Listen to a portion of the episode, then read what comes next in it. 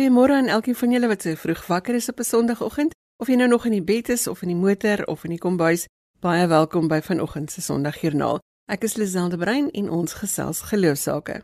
My gaste vanoggend is Renel Hugo van die Nasionale Komitee van Wêreldbiddag vir Vroue, die maatskaplike werker Melanie Strydom vertel van haar werk met traumaberading en Lizet Schwella vertel van hulle gemeenskapsprojek om plastiek te herwin. Ons nooi jou uit om saam te gesels per SMS by 45889 teen R1.50 per SMS en jy kan ook saamgesels op Facebook. RSG se webblad het al die besonderhede van ons gaste en jy kan daar wêreldwyd ook na ons luister. En die adres daar is rsg.co.za. Onthou ook dat ons te hoor is op DStv se audiokanaal 813.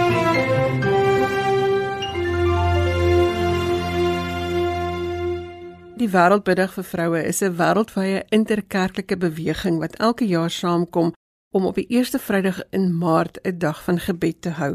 Hierdie jaar is die datum die 6de Maart. Nou Renel Higu is lid van die Nasionale Komitee van die Wêreldbiddag vir Vroue organisasie en sy gesels vanoggend met ons. Goeiemôre Renel.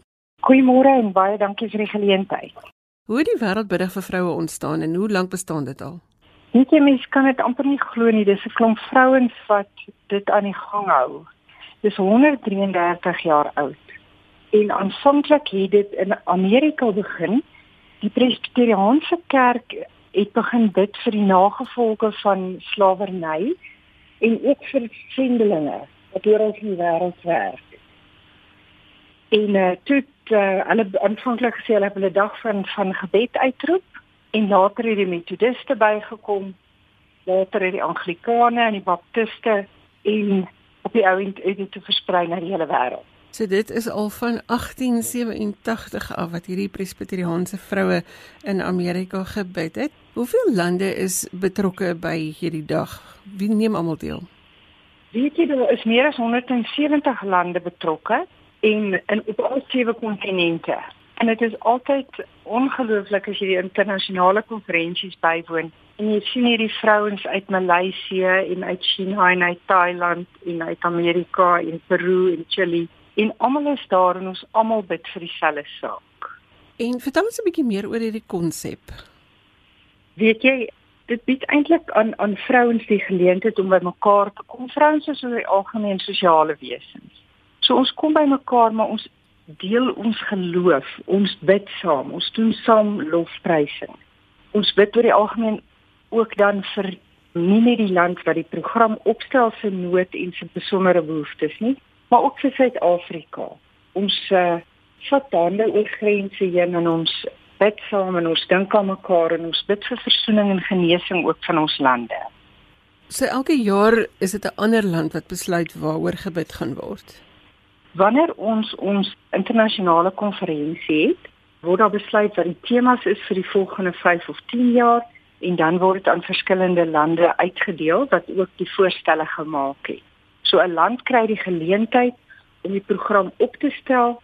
Hy word in Engels opgestel en dan word hy daarna na almal toe gestuur en in al die verskillende tale word dit vertaal. Maar ons gebruik dieselfde tema en die kantoor in New York uh orkestreer of of organiseer die hele ding. So jy het affiliasiegelde om te betaal om deel daarvan te wees en dit word daarvan af geïnisieer en daarvan af beplan en en georganiseer.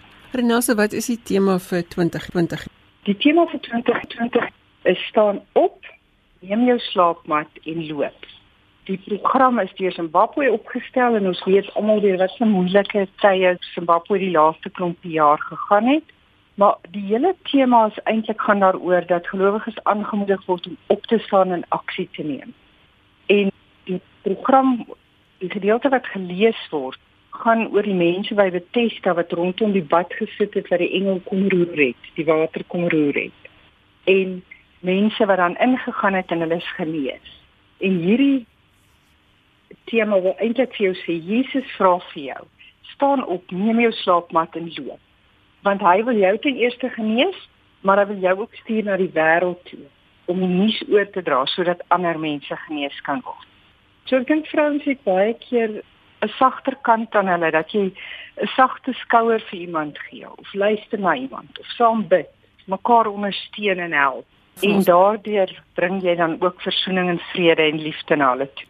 Die tema van ons program is dat jy altyd die eerste tree moet gee, dat jy moet uitreik, so staan, opneem jou slaapmat op en loop. Klink vir my nou 'n goeie boodskap. Renal, wat beplan julle vir hierdie jaar? Weet jy in Suid-Afrika druk ons ongeveer 90000 programme. Dis eintlik nog die meeste ter wêreld in nege tale en ons het meer as 1200 byeenkomste landwyd. En uh gewoonlik word dit in meeste van die dorpe word daar dienste aangebied en die persone wat luister, die luisteraars moet maar uitvind by hulle plaaslike gemeente. Ons wil eintlik ook gemeentes aanmoedig om oor grense heen met ander kerkgenootskappe saam te werk sodat dit regtig 'n ekumeniese interkerklike byeenkomste kan wees. Het julle enige statistiek van hoeveel en in watter areas daar gebedsgeleenthede gehou word? Weet jy ons het tot 'n mate statistiek, maar is ook moeilik om statistiek te hou omdat ons amper vir hulle die programme verskaf, hulle koop die programme aan en daarna organiseer hulle dit in hulle omgewings. Wat interessant is, is baie het groot kerke waar hulle bymekaar kom met 800 tot 1000 mense. In Noordwes kom hulle sommer op 'n paviljoen bymekaar. En daar's gewoonlik so 800 tot 1000 1200 vrouens van al die verskillende kerke. Daar's gewoonlik so tussen 40 en 45 kerkgenootskappe bymekaar. My Randfontein skou het gewoonlik so oor 1000 vrouens in die Kaap is groot byeenkomste en Johannesburg is groot byeenkomste. En is altyd my interessant dat party gebruik hierdie elektronika om hulle dienste aan te bied en te doen. En dan is daar ander mense wat bymekaar kom onder 'n boom, ergens ver in 'n afgeleë rural area. Maar op die ount is ons harte saam en ons aanbid dieselfde Here en ons bid vir dieselfde tema. So eintlik wys ons daardeur die eenheid en dat ons wel bymekaar kom en saam bid en saam oor dieselfde sake dink. So miskien moet ons 'n beroep doen op vroue hierdie jaar dat ons al daardie rekords kan laat spat, dat meer vroue bymekaar kom. Wat sou jy sê is die doel van so 'n dag? Het ek dit nou saamgevat? Ek dink jy het dit saamgevat, maar ek wil nog 'n ding graag byvoeg. En dit is in Suid-Afrika, ons in 2020 90 jaar oud. So die eerste twee dienste was in Johannesburg en Pretoria, maar ons het 'n groot feesviering wat ons hierdie jaar het. So ons vra ook vir almal waar hulle ook dienste aanbied om dit regtig as 'n feesgeleentheid in te rig. Um, in Oktober het ons 'n groot feesgeleentheid in Kaapstad. Ons is ook die gasheer van die Afrika konferensie. So in Oktober kom al die lande van Afrika bymekaar. Ons het vir aartsbiskop Tabo Mogolba wat vir ons die openingsseremonie gaan hou of die diens gaan waarneem en daarna gaan ons die hele week bymekaar wees en saam feesvier maar ook praat oor aktuelle sake in Afrika en hoe ons die dag ook verder kan uitbrei in Afrika. Julle gebruik ook die kollektes en dinge wat ingesamel word vir Bybelverspreiding, is ek reg?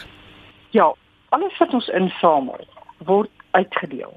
Ons hou net 'n klein hoeveelheid terug om ons affiliasie te betaal en ook ons kantoor in stand te hou, maar ons gee gewoonlik tussen 80000 na 120000 vir die Bybelgenootskap en dan is ook verskeie skole vir gestremdes of te huise wat mishandelde vroue help en ondersteun of selfs ook vigshuise vir wie ons dan donasies gee. Hulle doen gewoonlik aansoek en dan gee ons vir hulle hierdie donasies. En nou waar kan mense meer inligting kry as hulle deel wil word van die wêreldbedag vir vroue? Weet jy ons het 'n kantoor in Kenton Park, so as hulle enige inligting wil hê of programme wil bestel, kan hulle Joa van Aarde bel. Haar nommer is 011 975 4598. Ons het ook 'n Facebookblad waar hulle as hulle kyk vir Women's World Day of Prayer 'n uh, webwerf www dan www.dp.co.za. Die www staan vir Women's World Day of Prayer. En so gesels Renel Hugo, sy is lid van die nasionale komitee van die Wêreldbedag vir vroue. Ons kyk gou weer na daardie kontakdetail. Jy kan vir Joa van Aarde skakel by 011 975 4598 of op Facebook kan jy gaan kyk by Women's World Day of Prayer en dan is daar 'n webwerfadres www.wwdp.co.za. Word deel van hierdie inisiatief. Kom as vroue staan ons saam en ons bid saam vir alles wat in ons lewe gebeur. Radel baie dankie vir die saamgesels vanoggend. Baie dankie. Sterkte dan. As jy sopas ingeskakel het, sê ons goeiemôre. Die program is Sondagjoernaal waar ons vroegoggend hoor wat die rol is wat geloof in mense se lewens speel. Ek hoop dat elkeen van hierdie stories jou sal inspireer. Deel met ons waarvoor jy dankbaar is op ons SMS-lyn of gaan laat vir ons 'n boodskap op Sondagjoernaal se Facebookblad. Die SMS-nommer is 45889 en baie dankie vir almal wat wel laat weet waarvoor hulle dankbaar is. Die lysie groei elke Sondagoggend, maar ek dink daar is nog so 100 000 van julle wat van julle kan laat hoor. Jy moet tog vir iets dankbaar wees. Jy moet dit net nou in woorde omsit en vir ons laat weet wat dit is. Ek is nie so goed met gedagtes lees nie, so ons hoor graag van jou. Stuur daai SMS. As jy vergeet het waarvoor jy gister dankbaar was, kan jy gou terugblaai in jou notaboek. As jy nie 'n notaboek het nie, dan sê ons kry eene. Die moeilikste deel van enige iets is om te begin, so daar's geen beter tyd as nou nie.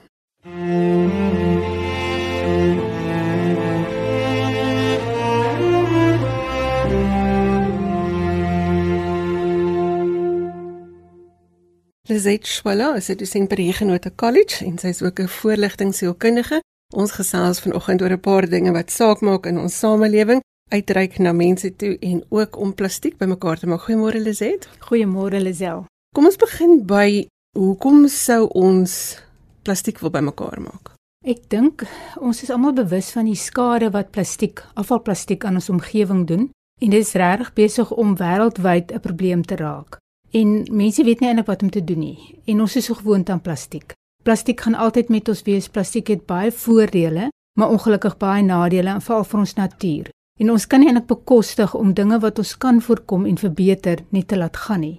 Daarom wil ons hierdie afvalplastiek kompetisie loods. Ons het klaar begin dit die 23ste Januarie begin tot die 23ste Junie waar mense kan inskryf, jy kan pryse wen met 'n minimum van R5000 wat hulle kan wen.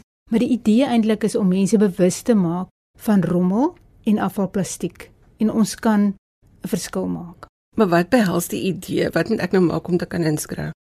Om in te skryf kan jy natuurlik ons webtuiste besoek en die webtuiste is eintlik 'n baie maklike een. Dit is nou maar die www.belwel.ligstad.co.za en daar is 3 afdelings van ons kompetisie waarna jy kan inskryf.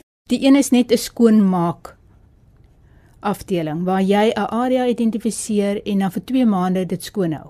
Die idee is om 'n span bymekaar te kry en dan op 'n kreatiewe manier 'n area skoon te maak. In plaas van net om te jou kop te skud en te sug en dan kan jy inskryf deur 'n voor foto te neem en 'n nafoto te neem en dan vir ons mooi 'n storie te vertel. Mense hou van stories. Vir ons te vertel hoe jy dit skoon gemaak, hoe die span gewerk. En as jy gelukkig is, wen jy dalk R10000, wie weet. Die ander twee afdelings van ons kompetisie is waar jy afvalplastiek uit die omgewing verwyder en dan maak jy iets daarmee om dit weer te gebruik. Ons wil nie hê jy moet nou 'n plastiek bottel gaan koop by die plastiekwinkel en dan maak jy vir ons iets nie. Dit moet iets uit die omgewing wees en dan maak jy iets 'n gebruiksartikel. Verkieslik iets wat jy kan verkoop. Met ander woorde, ons sê ons wil nie net hergebruik nie, ons wil dit oor en oor gebruik. Dit is waar die innovasie lê ja. sodat jy kan eh, half 'n klein besigheidjie daarmee begin. Presies. Want op die oomblik is die insamel van plastiek nie regtig 'n goeie bron van inkomste nie. Blykbaar het die prys daarvoor geweldig gedaal, behalwe as jy dit gaan omskep in iets. Natuurlik het die eko uh, bakstene. Maar hoe innoverend dit nou is, gaan nou maar van jou afhang. Die laaste afdeling waarvoor jy kan inskryf is 'n kunsproduk waar jy letterlik iets gaan maak uit kuns uit. Nou daar's 'n vrou met die naam van Tersia Schaap, sy's 'n Nederlander se bly in Houtbaai en dis wat sy doen. Sy versamel die afval, die rommel van die see en dan maak sy pragtige kunswerke. Neem foto's daarvan. En mense kan nogal baie doen met met afvalplastiek, maar alles met die doel hê van ek verwyder dit uit die omgewing en wat maak ek met die afvalplastiek? Waarheen gaan dit? En dan hoop ons dit skep 'n gewoonte by mense om bewus te raak van afvalplastiek. Dis ek julle kombineer dit met 'n wintermark wat nou ook daar ek waarskynlik nou in Junie gaan gebeur van daardie woord wintermark. Ja. Hoe kombineer julle die twee met mekaar?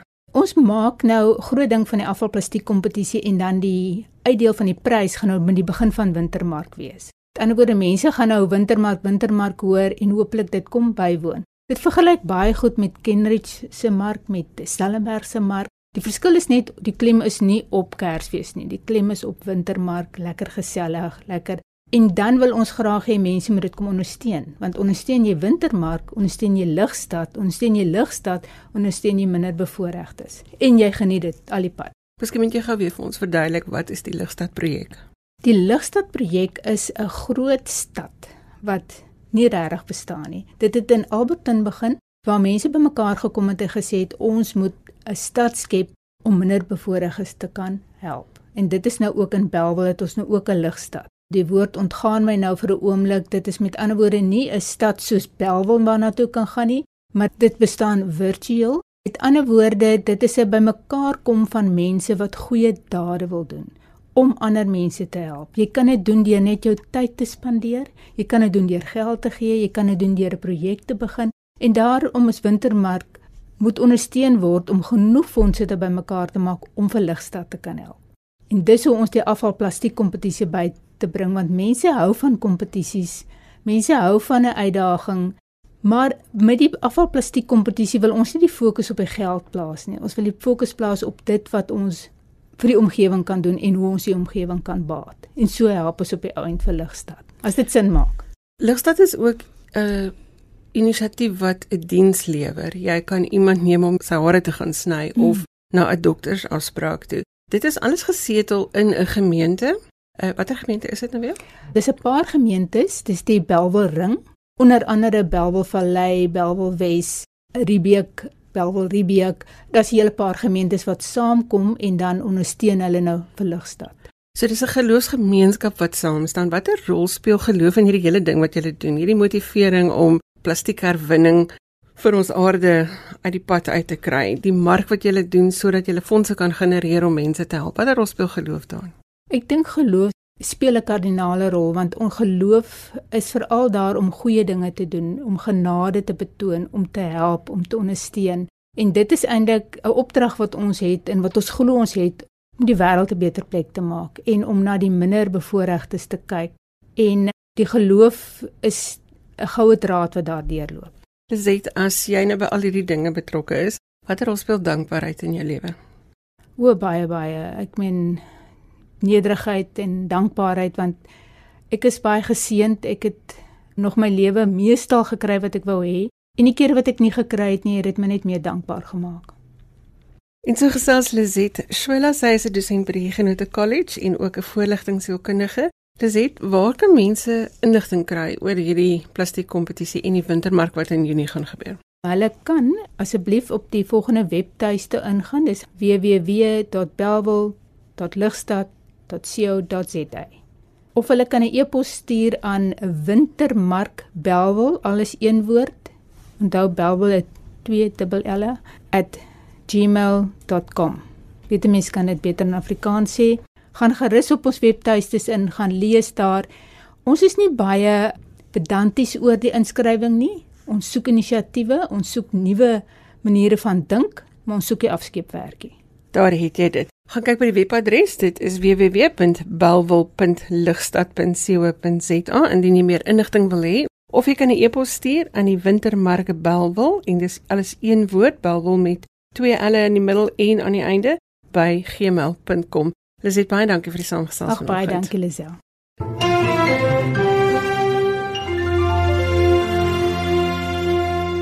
As ek nuwe fokus en opkykering nodig het, is daar een nommer op my kontaklys wat ek skakel en dit is dokter Pieter van Jaarsveld. Hy is 'n man wat weet hoe die brein werk en wat jy moet doen om nie hoop te verloor nie. Goeiemôre Pieter. Môre Lisel en môre aan die luisteraars. Is geluk 'n doen ding? Absoluut en wat so interessant is, Lisel, is dat dit is al 'n eeu oue behoefte van mense. As jy byvoorbeeld kyk van Sokrates af. Maar meer nog, geluk is wat die Here vir ons ook eintlik toewens. As jy nou kyk na Johannes 10 vers 10, dan is daar baie duidelik dat die Here sê ons moet 'n oorvloed in die lewe hê en tog is die hartseer as jy dink die meeste mense in Suid-Afrika noem hulle Christene.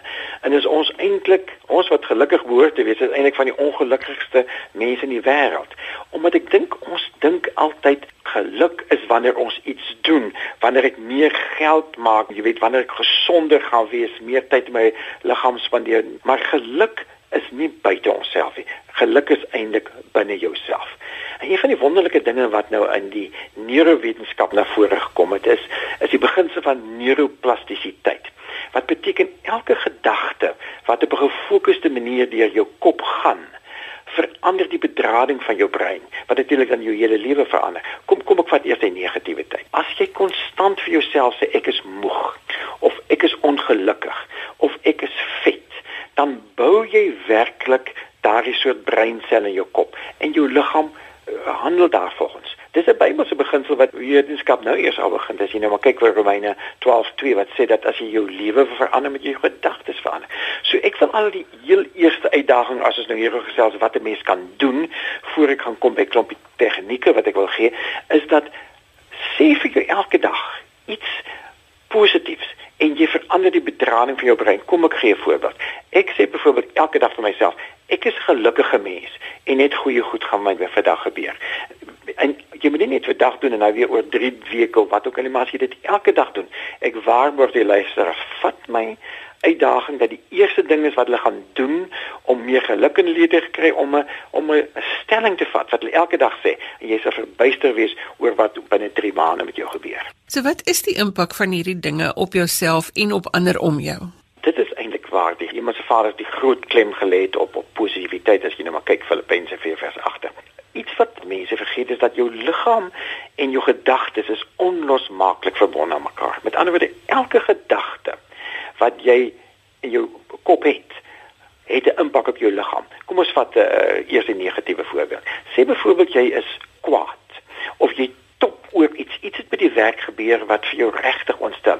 Jy top die hele dag oor. Luister ons al opgelet het, die aand is jy dodelik moeg, want sodra jy enige negatiewe gedagte het, negatiewe emosie gaan daarmee gepaard, skei jou liggaam kortisol af, die streshormoon wat jou moeg maak, wat tot uitbranding lei.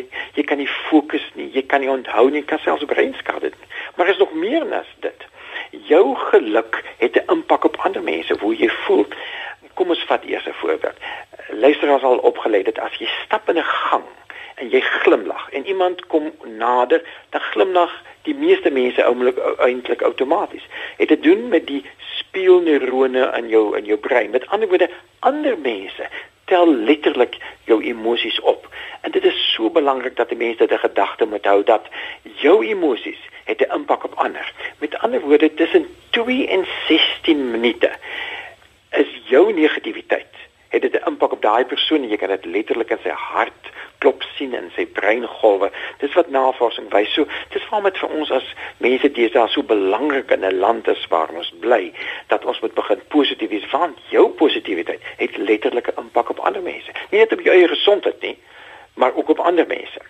Pieter, wat kan ons prakties doen om so positief as moontlik te oorleef? Ek is bly jy vra my dit, Lisel. Dankie en ek wil letterlik vier na ag goedjies doen wat 'n mens elke dag kan doen wat jy wat jou letterlik jou geluksvlak kan gaan verhoog. Navorsing het gewys jy weet 50% van ons geluk word maar deur ons gene bepaal. So as jy ou grumpy oupa het, nou ja, dan is dit vir jou sleg.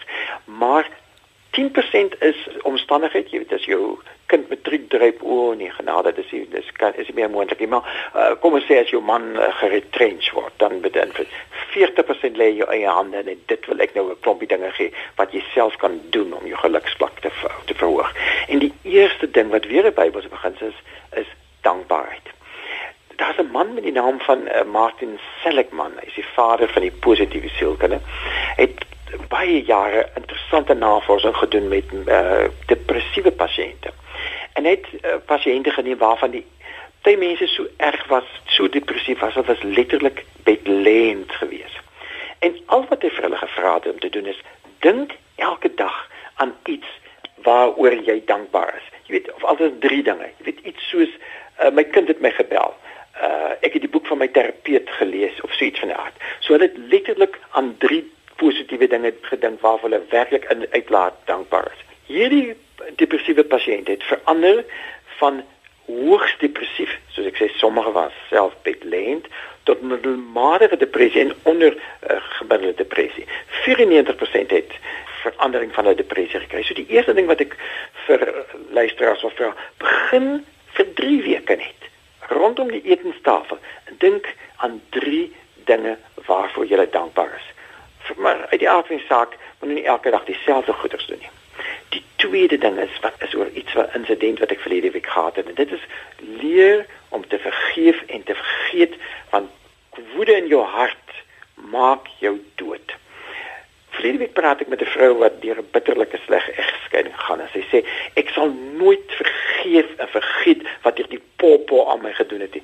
Weet jy wat jou hart seer is as jy dat dat as ons kwaad is, woedend is en almal van ons het iewers 'n situasie waar miskien nie egskeiding gemaak waar iemand jou benadeel het jy het nie die pos gekry wat jy moes gekry het nie 'n makelaar het jou geld verduister of weggeloop daarmee of mense het slegte dinge vir jou gesê en ons sit met hierdie kwaad in ons harte en die hartseer daarvan is hierdie kwaad maak ons siek maak ons ongelukkig hy vreet jou geluk weg jy weet die mooi storie altyd vir my is is uh, Leonardo da Vinci wat vir plus minus 7 jaar aan die laaste avondmaal gewerk het. En hy het 'n man met pragtige gelaatsklere gebruik om te skilder as Jesus. En vir 4 jaar was hy op soek na ou met vieslike gesigsuitdrukkings wat hy kan uh, skilder as as Judas. En eendag stap hy in Rome en hy val letterlik oor 'n dronkklap daar lê en die ou se kop lig te besef. Wow, dit is my gesig van Judas.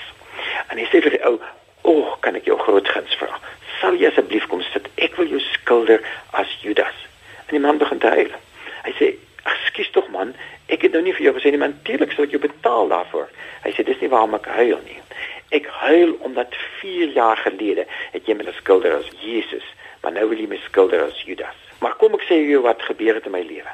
My familie het my so sleg behandel. Ek sal nooit vergewe en vergeet wat hulle my aangedoen het nie. En, en en dit is lesel wat gebeur met mense as as ons hierdie kwaad in ons hart dra. Want natuurlik is daar baie luisteraars wie se geluk weggevreet het deur mense wat vir hulle skade aangedoen het. Onthou vergifnis is nooit vir die ander persoon nie. Dit is vir jouself. Want soos jy nou gesien het al, toe begin ek gesê dat jou jou emosies het invloed op jou liggaam. Letterlik 'n 5 minute van negativiteit het 'n 6 uur lange effek op jou op jou immuunstelsel. Met ander woorde gaan jy letterlik siek word. 'n Derde ding wat eenvoudig en maklik is wat ons kan doen, is dade van goed goedhartigheid. Jy weet om goed te doen. Gabriel het gesê Jy weet as jy vir jou geld gee, dan gee jy nie werklik nie. Is eers iets wanneer jy vir jouself gee wat jy werklik gee. En mens kan klein dinge gee want jou liggaam skei byvoorbeeld 'n baie belangrike hormoon wat se naam is oksitosien wat so gesond vir jou vir, eh, vir jou liggaam is. Steen werk inflammasie te, hartprobleme uh, te dit dit laat jou jonger bly en al daardie tipe van dinge. En ek wil nou vir die luisteraars ook 'n opdrag dat ons almal wat vanoggend luister, uitdaging vat van om meer dinge te doen wat goedhartig is hierdie jaar vir ander. Kom ons vat 'n eenvoudige ding. Dat ons eenvoudig elkeen van ons wanneer ons by die betaalpunt by die supermark kom, dat ons daardie persoon vriendelik goed vra hoe dit gaan, want die wonderlike ding is, nou kom 'n ander persoon daar weer koop en daardie vriendelikheid betoon daardie persoon by betaalpunt aan iemand anders. So met ander woorde, as jy dink dat die 4 by 4 beginsel, dan beïnvloed daar jy nou daardie persoon wat daar sit by die betaalpunt, maar sy gaan vier ander beïnvloed, hulle beïnvloed ander vier en hulle weer ander voet. So ander 64 mense beïnvloed jy met so 'n klein daadjie. So kom ons doen meer goeie dinge hierdie jaar. Vierde ding wat eenvoudig is. Goeie verhoudings. Daar's drie stede in die wêreld waar mense baie lank lewe. En hulle het gekyk na wat veroorsaak dit. En dit gevind is waar familie eerste gestel word en waar daar goeie sosiale verhoudings is. Kom ons kyk binne 10 jaar en ons gee meer aandag aan ons verhoudinge. Die vyfde ding wat ek vinnig noem, hou op top. Jy het gesien, moenie dit in jou kop sit vir jou in jou kop maal met die gedagtes wat so neer. Sit vir jou rekkie om jou arm, skiet vir jou. Skiet vir jou sê vir jou hart, hart op stop, moenie dit doen nie. 'n Sesde klein dingetjie om te doen. Elke dag vir 10 minute haal goed asem. Trek jou longe vol goeie asem vir 6 tellings, hou binne vir 2 tellings en dan blaas jy weer uit vir 7 tellings. Hierdie gaan jou lewe totaal verander. So hou dit mooi, goeie asemhaling, 6 in, hou vir 2 tellings en dan blaas jy uit vir 7 tellings. as ons hierdie klein goedjies begin doen self, kan ons ons letterlik ons gelukswag opskuif met al die wonderlike voordele op jou eie gesondheid, maar ook 'n impak op ander mense. Dankie Pieter en baie dankie dat jy dit so prakties vir ons ingerig het. Ons gesels geloofsaake tot kort voor 8uur wanneer ons oorgee vir die nuus.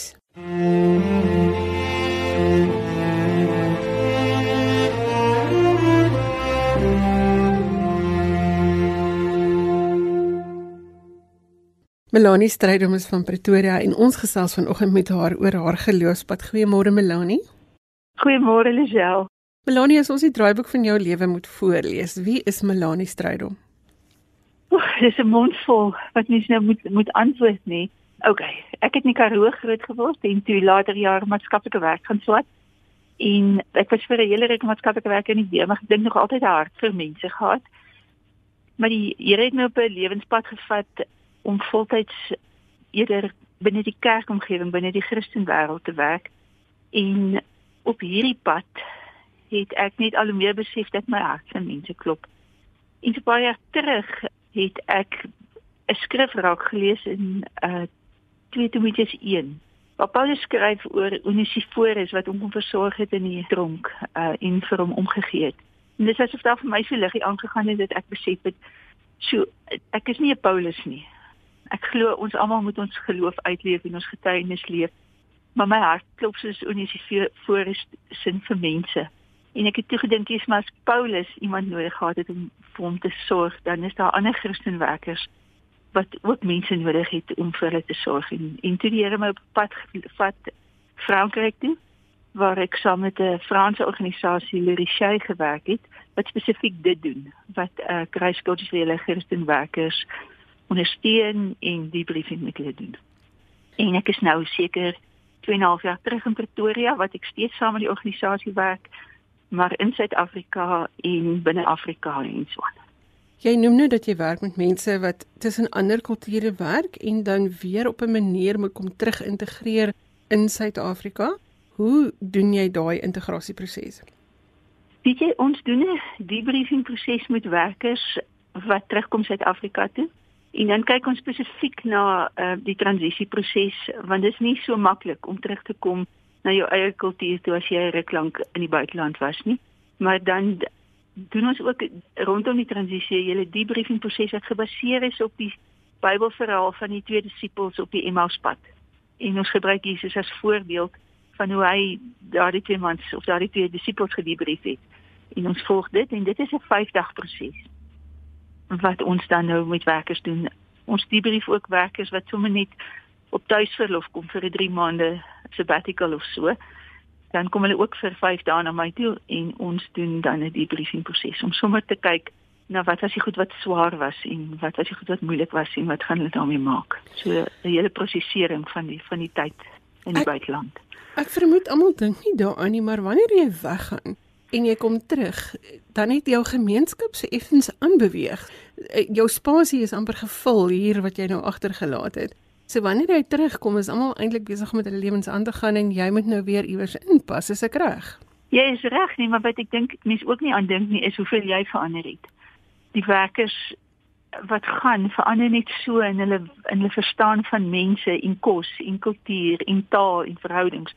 En dan kom hulle terug en die plek waar uit hulle gekom het, die gaatjie waar hulle weg is, uh, lyk nie meer soos dit gelyk het nie. So hulle het verander, die omgewing het verander en dan is dit baie moeilik om weer jou plek te kry om weer aan te pas in die, in die land waar jy terug is.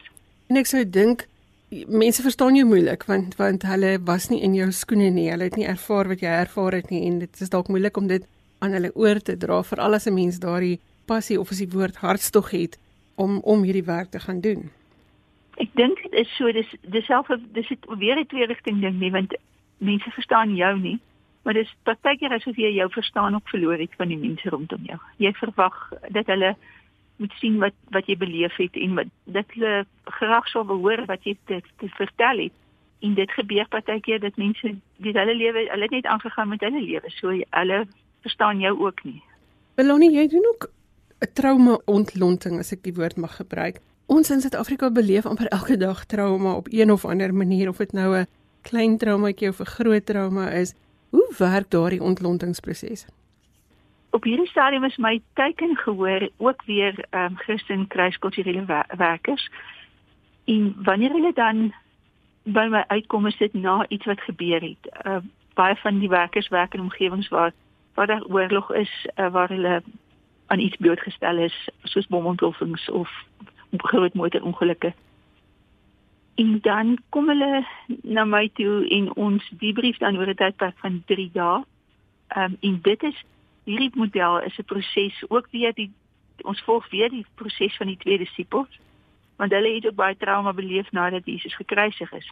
Maar dit is ook gemeng met John Mitchell se trauma debriefing model. So as so die twee modelle so vervleg en dan help ons mense om die proses te verwerk en om soms te soek na waar is God in in hierdie storie.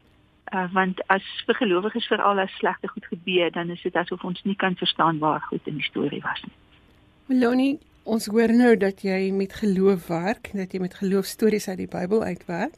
Wat is die rol wat geloof in jou eie persoonlike lewe speel?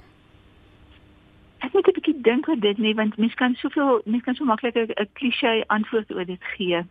Maar geloof vir my is ek dink begin by by die Bybel, dat die Bybel is die woord van God en dit wat daar staan is dit. En en dit is waarin ek vashou en dit is wat ek glo. Maar dis meer as dit, dis ook om God te sien as 'n lewende God wat omgee vir my en wat lief is vir my en om aan dit vas te hou. Ek dink om te hoor wat God sê en dit te glo.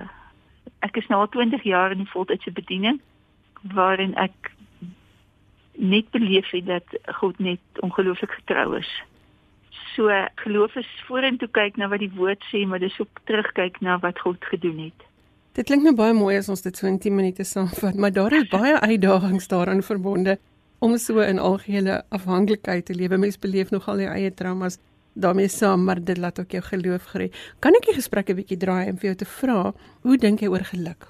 Is dit vir jou belangrik? Ek dink dit oor geluk.